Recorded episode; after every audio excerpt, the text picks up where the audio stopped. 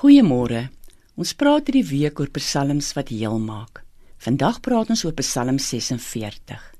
Die opskrif van die psalm dui daarop dat dit oorspronklik deur vroue gesing is, waarskynlik wanneer 'n kind gebore is.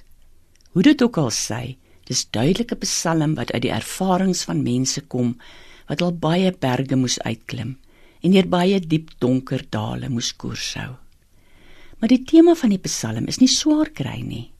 Ellende is nie waar dinge ophou nie. Inteendeel.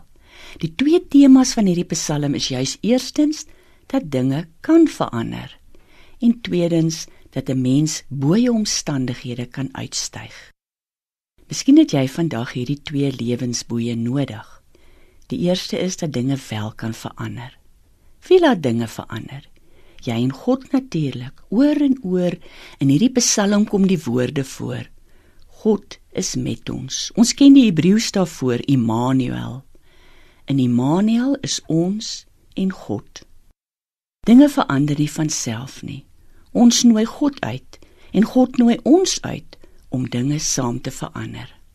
My eie ervaring is dat dinge nie verander deur geweld of wanneer ons mekaar dreig of wanneer jy bewys jy het meer mag as iemand anders nie.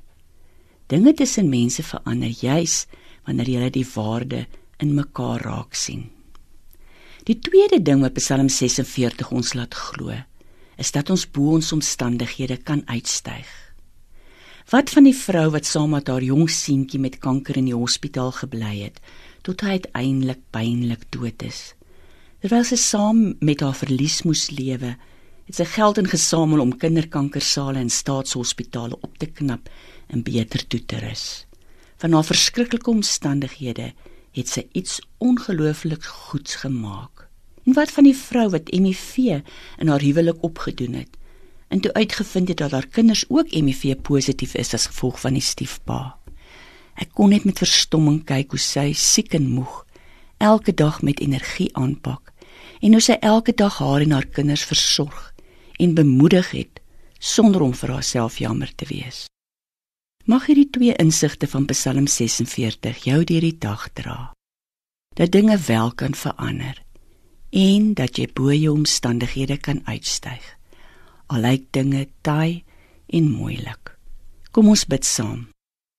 Here, dankie vir die hoop wat U elke dag vir ons gee.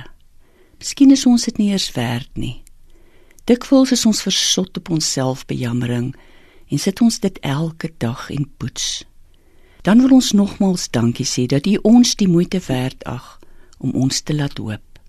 Dankie dat ons kan glo dat dinge kan verander en dat ons bo ons omstandighede kan uitstyg. U is waarlik ons God en die een wat ons versorg. Amen.